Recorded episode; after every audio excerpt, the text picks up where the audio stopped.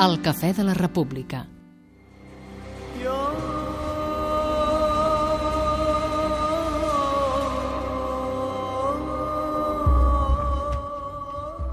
La mort d'un palestí a mans de soldats israelians a la frontera d'Israel amb Gaza no ha esquinçat la tranquil·litat que regna en aquest territori des de que dimecres es va firmar l'alto al foc.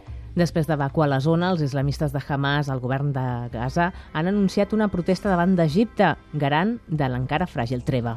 Doncs hi ha moments en què són importants, són aquells moments en què les tropes republicanes van creuar l'Ebre, els alemanys van creuar la línia Maginot, i avui Marialba Gelabert ha aconseguit creuar la frontera fins a Gaza. Catalunya Ràdio té allà, doncs, a Gaza, Marialba Gilabert i Jordi Just. De moment, i al marge d'aquest incident, la treva es manté. El fet que fons palestines hagin dit que presentaran una queixa davant les autoritats egípcies, que fan de mitjancers, vol dir que no volen, almenys per ara, que el mort i els ferits d'avui trenquin aquest fràgil alto al foc.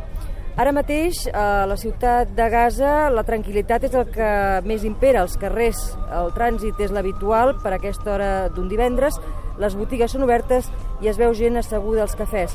També hem tingut ocasió d'assistir al funeral d'un dels màrtirs d'aquests eh, últims dies que ha deixat una vídua i tres fills, el més petit de 20 dies. Gràcies, Jordi Just i Marialba Gilabert, Gaza.